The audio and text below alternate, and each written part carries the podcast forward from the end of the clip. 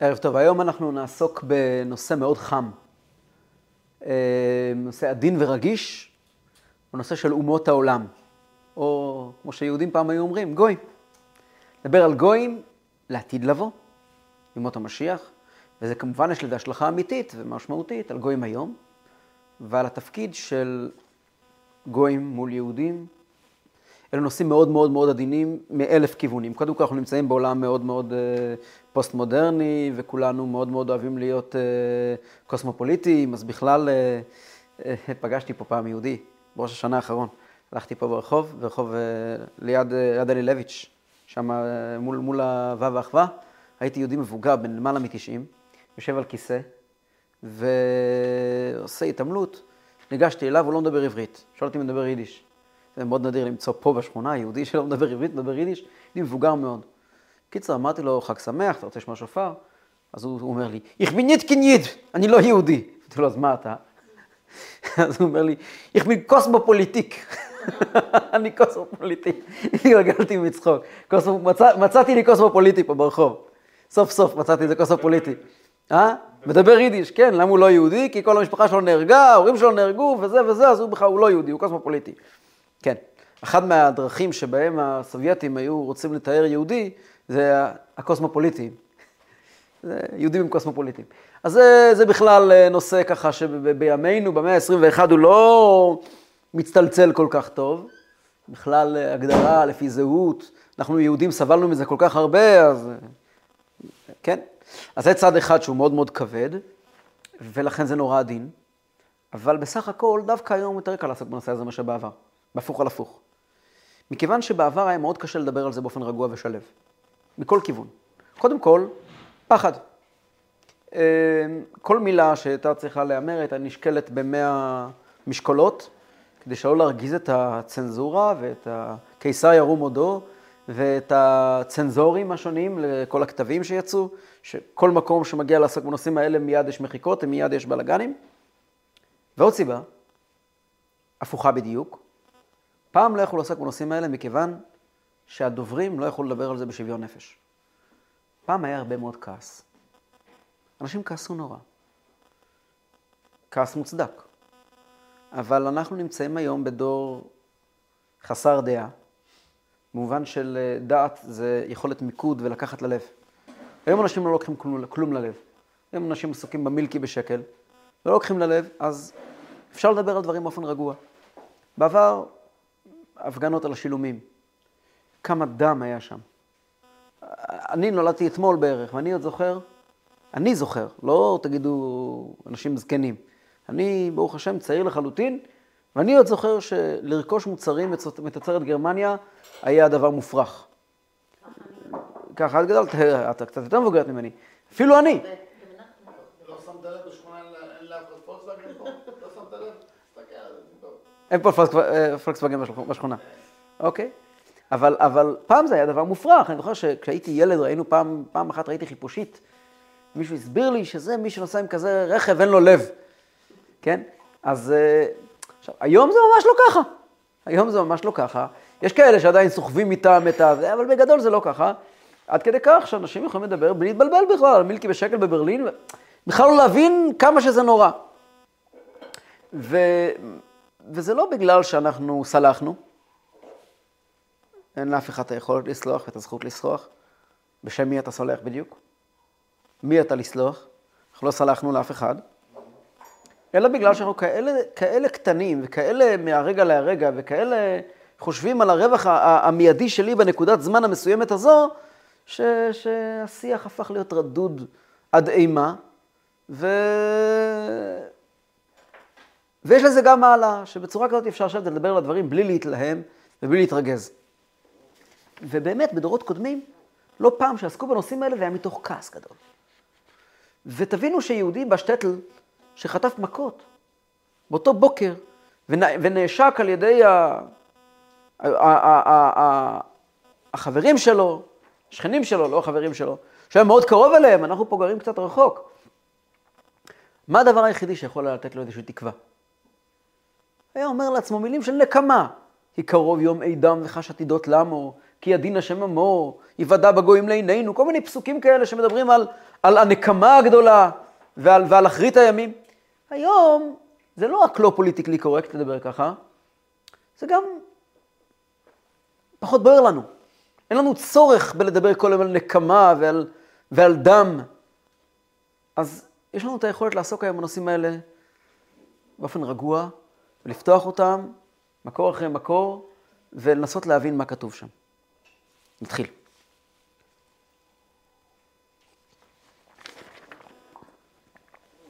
טוב, אם נסתכל במקורות, יש מקורות כאלה ויש מקורות כאלה.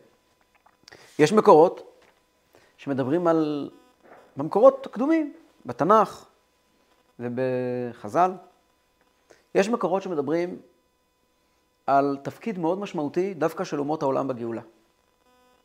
פסוקים מפורסמים, כי אז אהפוך אל עמים, שפה ברורה, לקרוא כולם בשם השם ולעובדו שכם אחד. ספר ישעיהו פותח במילים, יש את הפרק הראשון בישעיהו, פרק נורא ואיום, כולם מכירים אותו, חזון ישעיהו בן אמוץ, על אשר חזה על יהודה וירושלים בימי עוזיהו יותם, כן? נבואת החורבן הנוראה של ישעיהו, אבל מיד אחר כך בפרק השני של ישעיהו פותח ככה.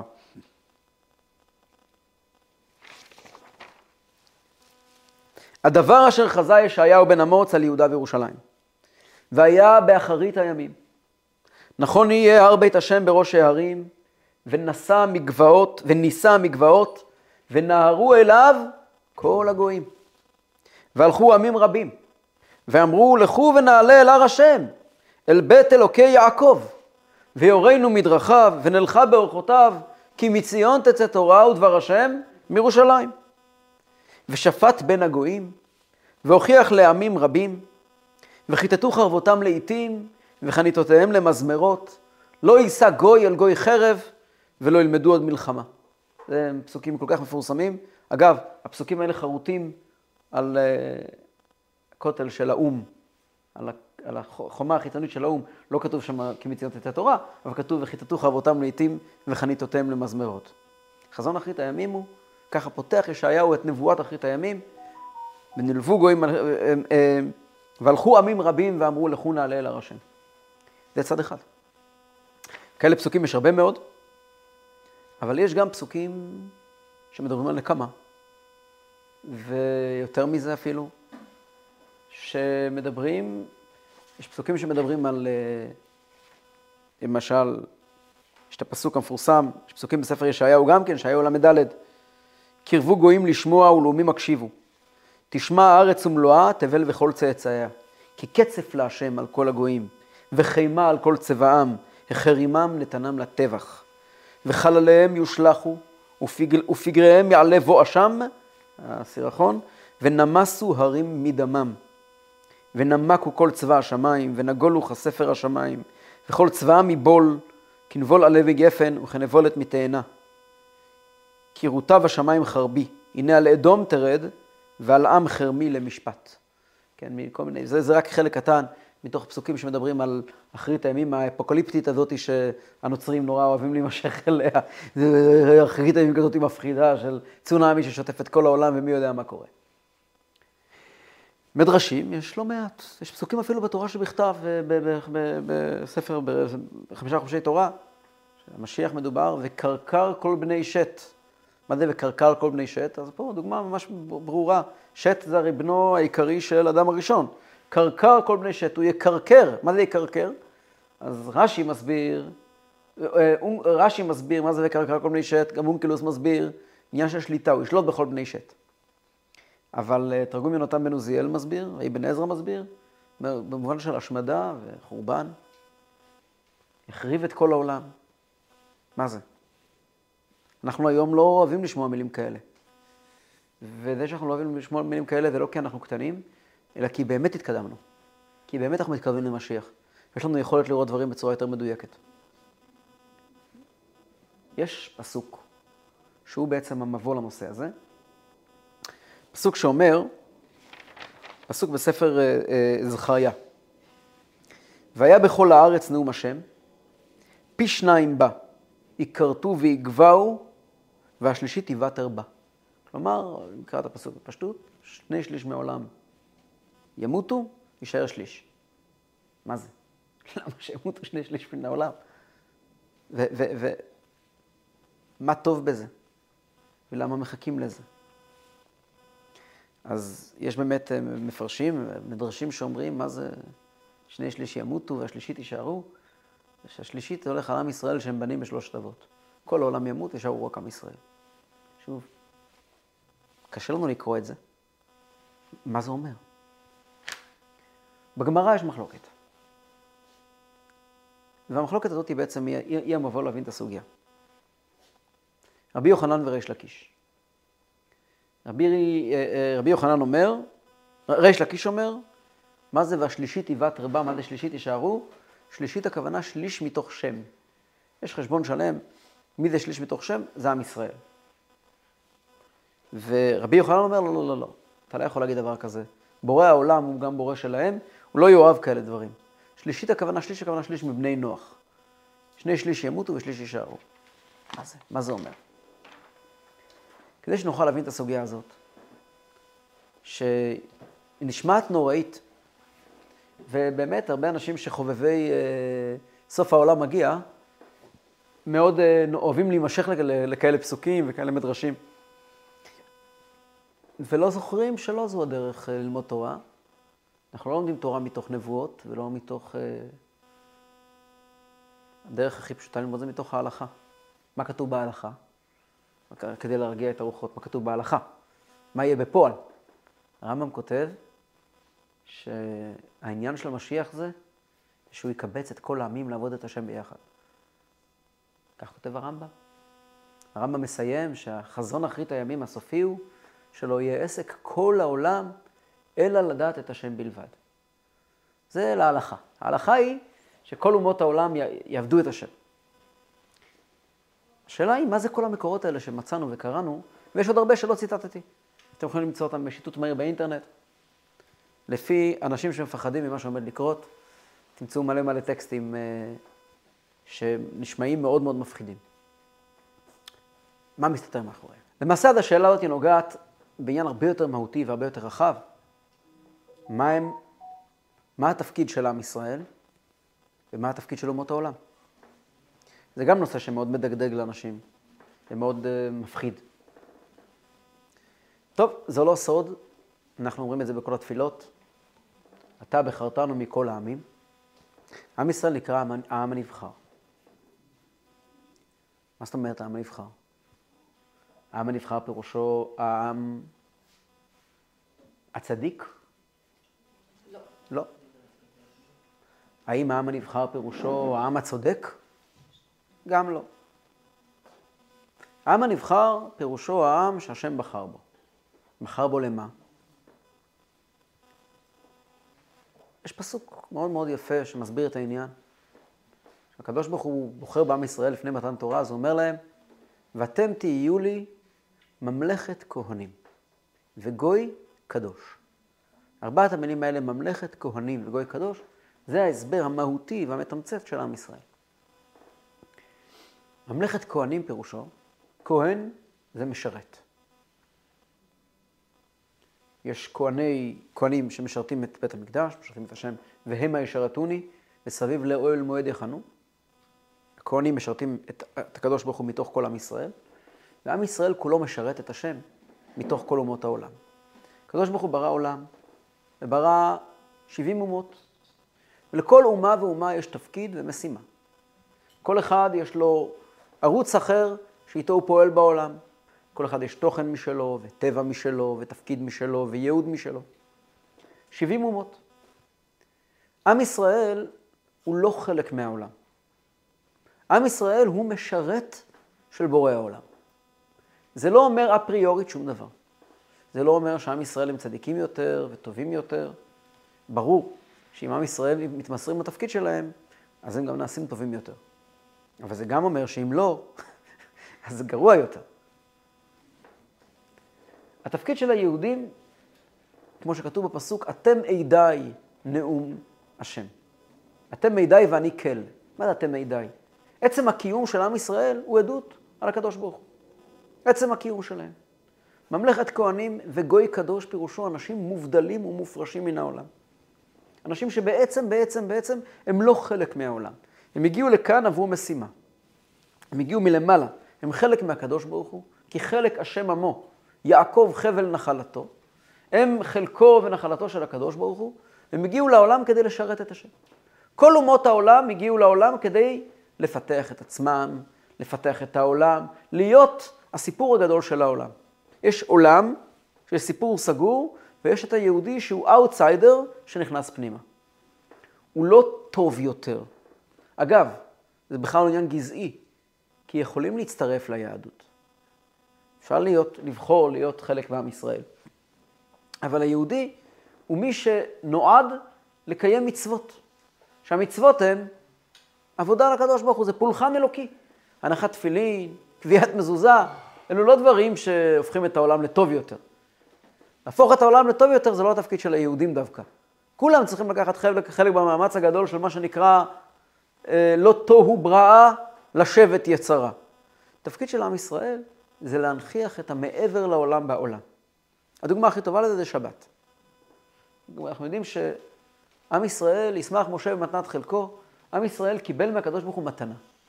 המתנה היא שבת. לעומת זאת, אומות העולם לא יכולים לשמור שבת. כתוב בהלכה, גוי ששבת חייב מיתה.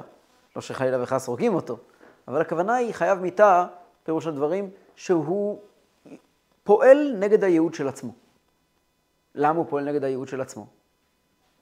כי הירדן לא מפסיק לזרום בשבת, וגם לא הירקון, והשדות לא מפסיקים לצמוח בשבת, והגשמים יורדים בשבת כרגיל, ואפילו אה, וול סטריט פועל בשבת כרגיל, ואין לנו חלום שהוא יהיה סגור. העולם עובד בלי הרף. העולם עובד כמו קיטור ולרגע לא מפסיק. העצירה של עם ישראל בשבת, שאומרים stop! מה ה stop הזה? כי בו שבת מכל מלאכתו. הקדוש ברוך הוא שובת. זאת להכניס בעולם את המנוחה האלוקית, להכניס לעולם את המעבר, זה התפקיד שלנו, של עם שומרי שביעי. עם ישראל מעידים, בעצם, בעצם שמירת השבת, מעידים על הנוכחות שלה מעבר לעולם בעולם. אם הגוי עוצר את החיים ומחליט אני רוצה לצאת לשביתה, הוא בעצם משבית את כל הקידום של העולם, ובזה הוא מתנגד לקיום של השליחות האישית שלו. ולכן גוי של שבת חייב מיתה. שוב, חייב מיתה, הרמב"ם כותב מפורש, לא הכוונה כפשוטו. חייב מיתה זה דרך חריפה להגיד, זה כמו שכתוב שמורה שלימד טעות חייב מיתה. יש כזה הלכה. בהלכות תלמוד תורה כתוב שאם מורה בבית ספר לימד את הילדים בטעות, לימד אותם, הכניס להם טעות בראש, הוא חייב מיתה. מישהו פעם הרג על דבר כזה? לא הכוונה שהורגים על זה. חייב מיתה פירושו, אתה, אתה, אתה, אתה פושע בכל התפקיד שלך. אתה בעצם... ובאמת, עם ישראל במהלך ההיסטוריה תמיד חטף יותר מכל האומות. נענש תמיד הרבה יותר. למשל, יש uh, פסוקים שמתארים את, את uh, איך שעם ישראל הוגלה מארץ ישראל בתקופת עשרת השבטים. אז uh, חטפו וחטפו וחטפו וחטפו, ועד שבסוף הקדוש ברוך הוא שלח אותם מהארץ. אז הגיעו לארץ השומרונים, הגיעו מכל מיני ארצות. מי שהוציא את עם ישראל מהארץ, סנחריב, הביא במקומם כל מיני אנשים ליישב את השטח, שלא יהיה שומם.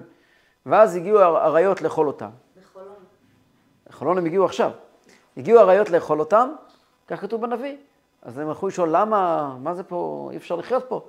אמרו להם, יש כמה כללים בסיסיים של התנהגות. מפרשים אומרים, רק תשמרו על כמה כללים, כללי בסיס, כדי להיות ראויים לגור בארץ, שהארץ לא תקיא אתכם והכל בסדר. לא מבקשים מכם יותר מדי, אתם לא יהודים. אתם יכולים לעשות מה שאתם רוצים, רק תשמרו בבקשה שבע מצוות בני נוח, תשמרו בבקשה על כמה דברים מסוימים, תאמינו בהשם אחד, ואתם יכולים לעבוד גם את העבודה הזרה שלכם הלאה, העיקר שאתם בתור שיתוף, אתם אומרים בקדוש ברוך הוא זה מה שחשוב, אף אחד לא יפגע בכם לרעה, הכל בסדר. עם ישראל, רק תעיז. למה? כי זה, כי זה, כי זה כהנים. ממלכת כהנים וגוי קדוש. כותב הכוזרי, שהלב הוא האיבר הכי עדין. הוא חוטף הכי הרבה. כי הוא, כי הוא, יש לו פה תפקיד אחר, לתת את רוח החיים. אבל התפקיד של הלב זה לא להישאר לב. לתת החיים, אומר הכוזרי, ישראל באומות כלב באיברים. מה, לב לבד זה דבר, זה דבר ש... אוי ואבוי למי שיש לו רק לב. הלב צריך להיות דבר דומיננטי, להשפיע בכל האיברים. הסיסמה היהודית, שמע ישראל, השם אלוקינו, השם אחד, עוסקת, אנשים לא יודעים את זה, אבל היא עוסקת בעצם לא בעם ישראל, אלא באומות העולם. פירוש המילים שמע ישראל, השם אלוקינו, השם אחד, מסביר רש"י. שמע ישראל, תקשיב יהודי, השם הוא אלוקינו, היום. אבל הוא עתיד להיות השם אחד. מה זה אחד? שנאמר ביום ההוא, אז אהפוך אל עמים בשפה ברורה, לקרוא כולם בשם אחד, בשם השם ולעובדו שכם אחד, ונאמר, ביום ההוא יהיה השם אחד ושמו אחד. והיה השם המלך על כל הארץ, ביום ההוא יהיה השם אחד ושמו אחד. כלומר, עם ישראל, כל הדורות עוצמים עיניים ואומרים, נכון, אה, שמע ישראל, שמע ישראל, מה שמע ישראל? תקשיב יהודי, שמע ישראל, נכון שהשם הוא רק אלוקינו עכשיו, כי רק אנחנו נושאים את הדגל, אבל החלום הגדול הוא שהקדוש ברוך הוא יהיה השם אחד, שכל העולם יהיה מלא מכבוד השם. זה החלום הגדול. ומהות הגאולה, כמו שאנחנו אומרים בברכת, בעלינו נשבח כל יום, ועל כן נקווה לך השם אלוקינו לראות מהרה בתפארת עוזיך, כל החלום הוא להגיע למצב שכל העולם כולו יעבוד את השם. זאת אומרת שהמשימה שלנו הושלמה. המשימה שלנו להביא את השם אל העולם, אל העולם פירושו אל הגויים. זאת המשמעות. להביא את, ה, את הקדוש ברוך הוא אל העולם, והמשימה תושלם כאשר אומות העולם באמת יעבדו את השם. לזה אנחנו קוראים דירה בתחתונים. שהקדוש ברוך הוא ברא עולם כדי לקיים איתו דיאלוג. הקדוש ברוך הוא רוצה, פידבק, רוצה דיאלוג עם העולם. הוא רוצה לקבל מהעולם פידבק. העולם זה לא אנחנו. העולם זה הגויים. אנחנו אותו חלק אלוקי שהושתל בגוף אנושי, אנחנו ה- הממוצע, לא הממוצע, אנחנו החוליה שמקשרת אלוקים עם עולם, ובעצם אנחנו סוחבים את הנקודה הפנימית הזאת בתוכנו, ומתחככים בה ורבים איתה כל היום בתוך תוכנו, וכשאנחנו נצליח להיות לגמרי בתוך העניין, כל בני האדם יהיו בתוך העניין. וזה שכל בני האדם יהיו בתוך העניין זה בעצם בגללנו. כעת נוכל להבין את כל מה שכתוב על גויים לעתיד לבוא. מחלוקת, האם יושמדו או לא יושמדו, אין ספק שאף אחד לא יושמד, הכל בסדר. יש נושא אחד שלא נעסוק בו היום ונעסוק בו בהזדמנות, הנושא של מלחמת עמלק, שזה נושא בפני עצמו. והוא עניין אחר שהוא לא קשור לעניין של אומות העולם. זה עסק של נאצים מיוחדים, זה משהו, טיפול מיוחד. אבל אומות העולם, באופן כללי, כל אחד מהם יש, מבטא חלקים הכי נבחרים בבריאה. האדם הוא בחיר הנבראים. וכל אחד מהם מבטא עניין מאוד מאוד מרכזי בבריאה. וכל העניין של משיח זה, והיה השם המלך על כל הארץ. מה זאת ה... וקרקר כל בני שת? מה זאת אומרת ההחרטה הזאת? פה יכולים להיות שתי דברים. וזה המחלוקת בגמרא. האם יישארו אומות העולם, לא יישארו אומות העולם. יכול להיות מצב שבו כל העולם יסתכל על ישראל ויגיד, אתם העיקר, ורק אתם קיימים. אנחנו פה כדי לשרת אתכם. זו אפשרות אחת. אפשרות שנייה, שכל העולם יגיע ויגיד, נכון, יש לכם בשורה חשובה, אבל גם לנו יש מקום. זאת המחלוקת, האם ייכרתו או לא ייכרתו. ייכרתו פירושו שישראל תהיה נקודת אמצע, וכל העולם בעצם יהיה חלק משירות לישראל. מה זה שירות? יהיה ברור שהנקודה בעולם זה גילוי השם. וגילוי השם זה באמצעות הנשמה היהודית. וכל אומות העולם בעצם הם סוג של ביטול לזה, ביטוי של זה. ואז כמו הרבה דברים במציאות כולה, אנחנו יכולים לראות אה, בניינים מפוארים, ארמונות, משחקים שלמים, אה, אה, מקהלות שלמות בשביל כוכב אחד. אז הם כולם יהיו חלק מה, מהעסק הגדול עבור אותו כוכב אחד שזה ישראל. זה הפירוש שהם ייכרתו. לא הפירוש שהם ייכרתו חלילה. הכוונה היא שהם יהיו חלק מעניין גדול. הפירוש השני, שהוא מה שבעיקר נלקח להלכה, שיהיה להם מקום גם בפני עצמם. מה זאת אומרת, יהיה להם מקום בפני עצמם? אז מה ההבדל בין, בשביל מה סבלנו כל השנים? הכוונה היא שהמשימה של עם ישראל, להביא קדושה לעולם, להביא את הקדוש ברוך הוא לעולם, תהיה כל כך כל כך עמוקה, עד שבאמת יסתכלו על העולם ויגידו, זה קדוש. גם בלי קשר ובלי תלות בנקודת אמצע של עם ישראל. כלומר, כל דבר בעולם, יראו בו בעצמו, הוא יהיה הוא בעצמו דבר שלם, דבר מושלם. כלומר, יש מטרה של עם ישראל, שאז אל עמים שפה ברורה לקרוא כולם בשם השם ולעובדו שכם אחד, בלי קשר לעם ישראל, שהעולם באמת נהיה מתוקן. שמלכות השם הגיעה לכזה מצב שאין שום דבר בעולם שמתנגד לקדוש ברוך הוא. כך או כך, הדבר הזה נפעל באמצעות עם ישראל. וזה העבודה שלנו כעת, לפני משיח. כשאנחנו נלחמים עם עצמנו, יש לנו בתוך תוכנו, יש בתוכנו גוי ויהודי. נפש הבהמית ונפש, ונפש האלוקית. ובתוכנו השאלה מה העיקר. יש כל מיני בחינות בזה, יש חלקים שאנחנו אומרים בוא ניתן לנפש האלוקית את המקום שלה, ונפש הבהמית תזוז הצידה, ויש מקום יותר נכון ויותר בריא, שאומר בוא לא נהרוג אף אחד, ולא נשבית את, לא נשבית את הנפש הבהמית. נאפשר לנפש האלוקית לתת לנפש הבהמית הביטוי שלה כמשרתת של הנפש האלוקית. וברמה הגבוהה ביותר זה יותר מזה. שהנפש הבהמית, אדם צריך לאכול, זה גם קודש. הוא צריך לישון וזה גם קודש. כי הקדוש ברוך הוא ברא את העולם, ברא את האדם על כל החלקים שלו, וזו למעשה העבודה שלנו כעת לקראת משיח. טוב, יש לכם שאלות? אני חושבת עכשיו על כל הסיפור ששמענו וכל הרעיון הזה. כל התקופה שאנחנו בעצם קיימים כעם, ויש לנו מטרה שהגדרת אותה כרגע, ולמעשה מה בעצם השגנו עד עצם היום הזה. נכון שרוב העמים כבר יודעים שיש אלוהים אחד, שזה לא היה קודם, זה בא מאיתנו. אבל מעבר לזה, אני אישית, אני לא רואה שיש איזושהי התקרבות, יש איזושהי הבנה. אה, להפך, העוינות היא רק גוברת, אני חושבת. אז אני רוצה, אני רוצה להיות אופטימית, אני רוצה להבין איכשהו, מתי ואיך, ומה עוד, מה, איזה עוד שלבים אמורים להיות כדי בכל זאת נגיע ל, ל, להישג הזה. שאלה מעולה. אמ, אנחנו רגילים לראות אה, סיבה ותוצאה באופן מאוד מאוד מוחשי.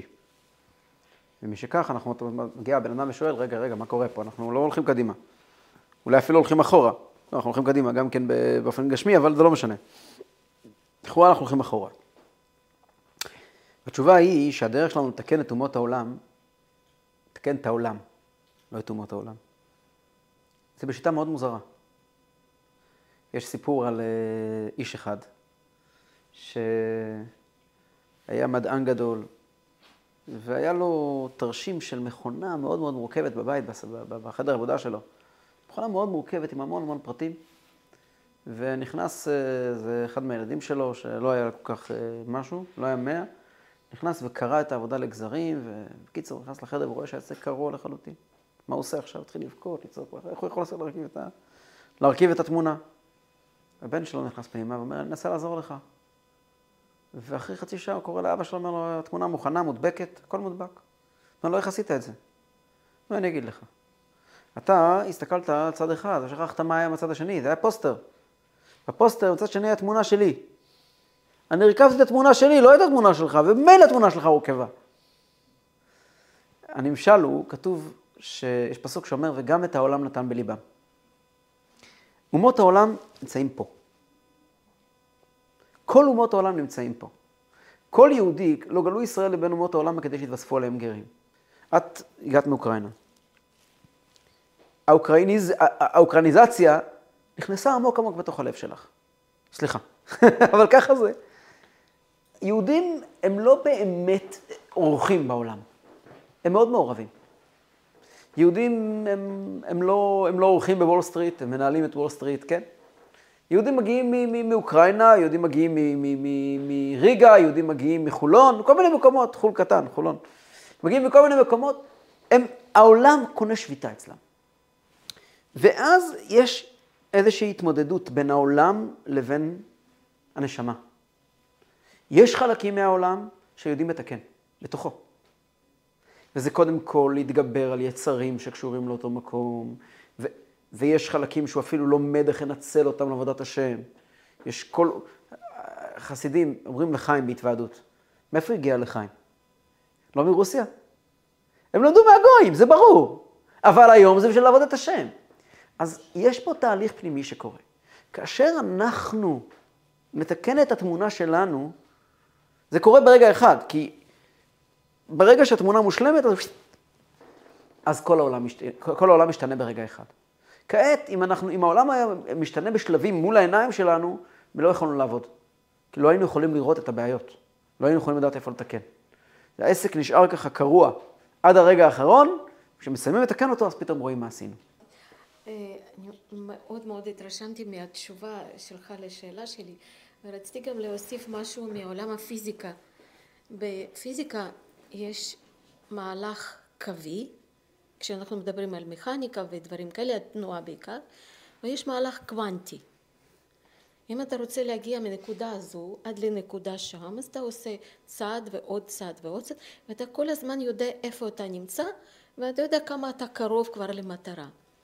לעומת זאת, במהלך הקוונטי, כל פעם קורים כל מיני אה, דברים ומהלכים, ואתה אף פעם לא יודע איפה אתה ביחס ל, ליעד. ליעד. ואז כשכל התמונה פתאום אה, כל הקוונטים כבר במקום, פתאום אתה מגלה שאתה כבר הגעת. לכן צריך הרבה מאוד סבלנות כדי להבין שאוקיי, הכל קורה ואתה תגיע לאנשהו, וזה מאוד קשה, לעומת התנועה הכל כך פשוטה של, ה, של המהלך הקווי. והסיבה אז... שהמהלך הוא לא קווי, היא מכיוון שאנחנו לא באנו לעולם כדי לא באנו לעולם בתור, אה, דיברנו בעבר על זה שמשיח לא יבוא על D9. לא באנו לעולם כדי להכריח את העולם. לא באנו לאנוס את העולם להיות מה שהוא לא. אנחנו באנו להרים את העולם. כשאתה בא להרים, זה תמיד דרך ארוכה. איפה, איפה העם הנבחר פה? יש הרבה דברים, באמת, רוב הדברים הם דברים סך הכל טובים, אבל כמה מתוך כל העם היהודי זה העם הנבחר? מאה אחוז של העם היהודי זה העם הנבחר. מי זה העם הנבחר? עם ישראל. הרוב, הרוב אה, לא מקיימים מצוות. שגם לגבי דבר שהיה כמעט מוסכם, לגבי בריתות, הוא אומר לי, יש היום ירידה משמעותית באנשים ש, שלא חשוב להם לעשות ברית. אתה אומר ככה, אתה מתרגם את המילים, אתה מתרגם את המילים העם הנבחר ליהודים שומרי תורה ומצוות. ובכן, העם הנבחר, העם הנבחר, מאז ולעולם, זה כל יהודי באשר הוא יהודי. לא משנה האם הוא קיים מצווה אחת או לא קיים אף מצווה מעולם. מכמה סיבות. סיבה ראשונה, גם מי שלא עשה ברית מילה, כן. ודאי. סיבה ראשונה, מכיוון שלא אני הבוחר, אלא הוא הבוחר. מכיוון שהוא הבוחר, הקדוש ברוך הוא הוא מי שבוחר, אשר בחר בנו מכל העמים. כיוון שקדוש ברוך הוא מי שבוחר, אז זה ללא התניה. ממילא כל יהודי הוא חלק מהעם הנבחר. כולם. ברית מילה, לא ברית מילה, שבת, הוא קאפו, הוא גסטאפו, מה שאתה רוצה. יהודי, אמא שלו יהודייה, הוא התגייר כהלכה, אז הוא חלק מהעם הנבחר. יש לו משימה, משימה גדולה שמוטלת עליו. המשימה שמוטלת עליו היא אינדיבידואלית. אתה לא יודע מה המשימה שמוטלת על יהודי אחר. כל היהודים מחויבים לקיים תורה ומצוות, זה נכון. לא כולם יודעים, לא כולם מבינים את חשיבות העניין. לא כולם, והעובדה שפלוני נולד בבית מסוים, שאין לו מספיק היכרות עם התורה והמצוות. או נולד בבית של תורה ומצוות ויש לו הרבה מאוד כעס על ההורים שלו מכל מיני סיבות אובייקטיביות. או מכל מיני סיבות שבעולם שגרמו ליהודים לא לקיים תורה ומצוות, כל הסיבות האלה הם חלק מהמשחק. יש ליהודי בחירה חופשית, ודאי. אבל בנוגע למשימת הירידה, ירידת הנשמה שלו בעולם, והמשימה שהוטלה עליו, מה אתה יודע? מה אנחנו מבינים בנשמות? מאוד יכול להיות שאותו יהודי שמעולם לא הניח תפילין, או לא עשה בר מצווה, יכול מאוד להיות שאותו יהודי מבצע את תכלית ירידת הנשמה של העולם הרבה יותר טוב ממני ממך. ולא אנחנו אנשים לשפוט את זה ולהחליט. האם זה אומר שאנשים יכולים להימנע מלקיים מצוות חלילה וחס? מצוות זה, זה הקדוש ברוך הוא ציווה אותנו לקיים מצוות. אבל אין לזה שום קשר ושום יחס לעובדה שהקדוש ברוך הוא בחר בנו מכל העמים ונתן לנו תורתו. אנחנו אומרים, תורה ציווה לנו משה מורשה קהילת יעקב. מה, זה, מה הפסוק הזה אומר? הפסוק הראשון שלומדים עם ילד, כתוב בהלכה, תינוק נולד, ברגע שהוא מתחיל לדבר, מה מלמדים אותו? תורה ציווה לנו משה מורשה קהילת יעקב, רק אחר כך מלמדים אותו שמע ישראל. קודם כל תורה, כך כתוב בהלכה. תורה ציווה, מה זה אומר המילים האלה? אומרים לילד הקטן שהוא בקושי יודע לדבר. התורה היא מורשה, היא ירושה שלך. מה זה מורשה? מה צריך היורש לדעת ביחס לירושה שהוא קיבל? כלום, הוא לא אמור לדעת כלום. ברגע שהוא יורש, תינוק בן יומו, יורש על פי חוק. על פי חוק התורה, על פי החוק האזרחי, הוא יורש לכל דבר ועניין. זה שלו. מי אתה לקבוע? אתה יכול, יש אפוטרופסים, צריכים ללמד אותו איך משתמשים במתנה שהוא קיבל, אבל המתנה הזו היא שלו. חד משמעית. אנשים אומרים, פלוני לא יהודי. והבן של פלוני חזר בתשובה, או הבת של פלוני, הבת, הבן של פלונית, הוא כן יהודי, בזכות אימא שלו. אז איך היא... זה לא עובד ככה, אנחנו לא יודעים שום דבר בנשמות של ישראל. נשמות של יהודים זה דבר נורא יקר, ואין לנו שום הכרה והבנה בזה.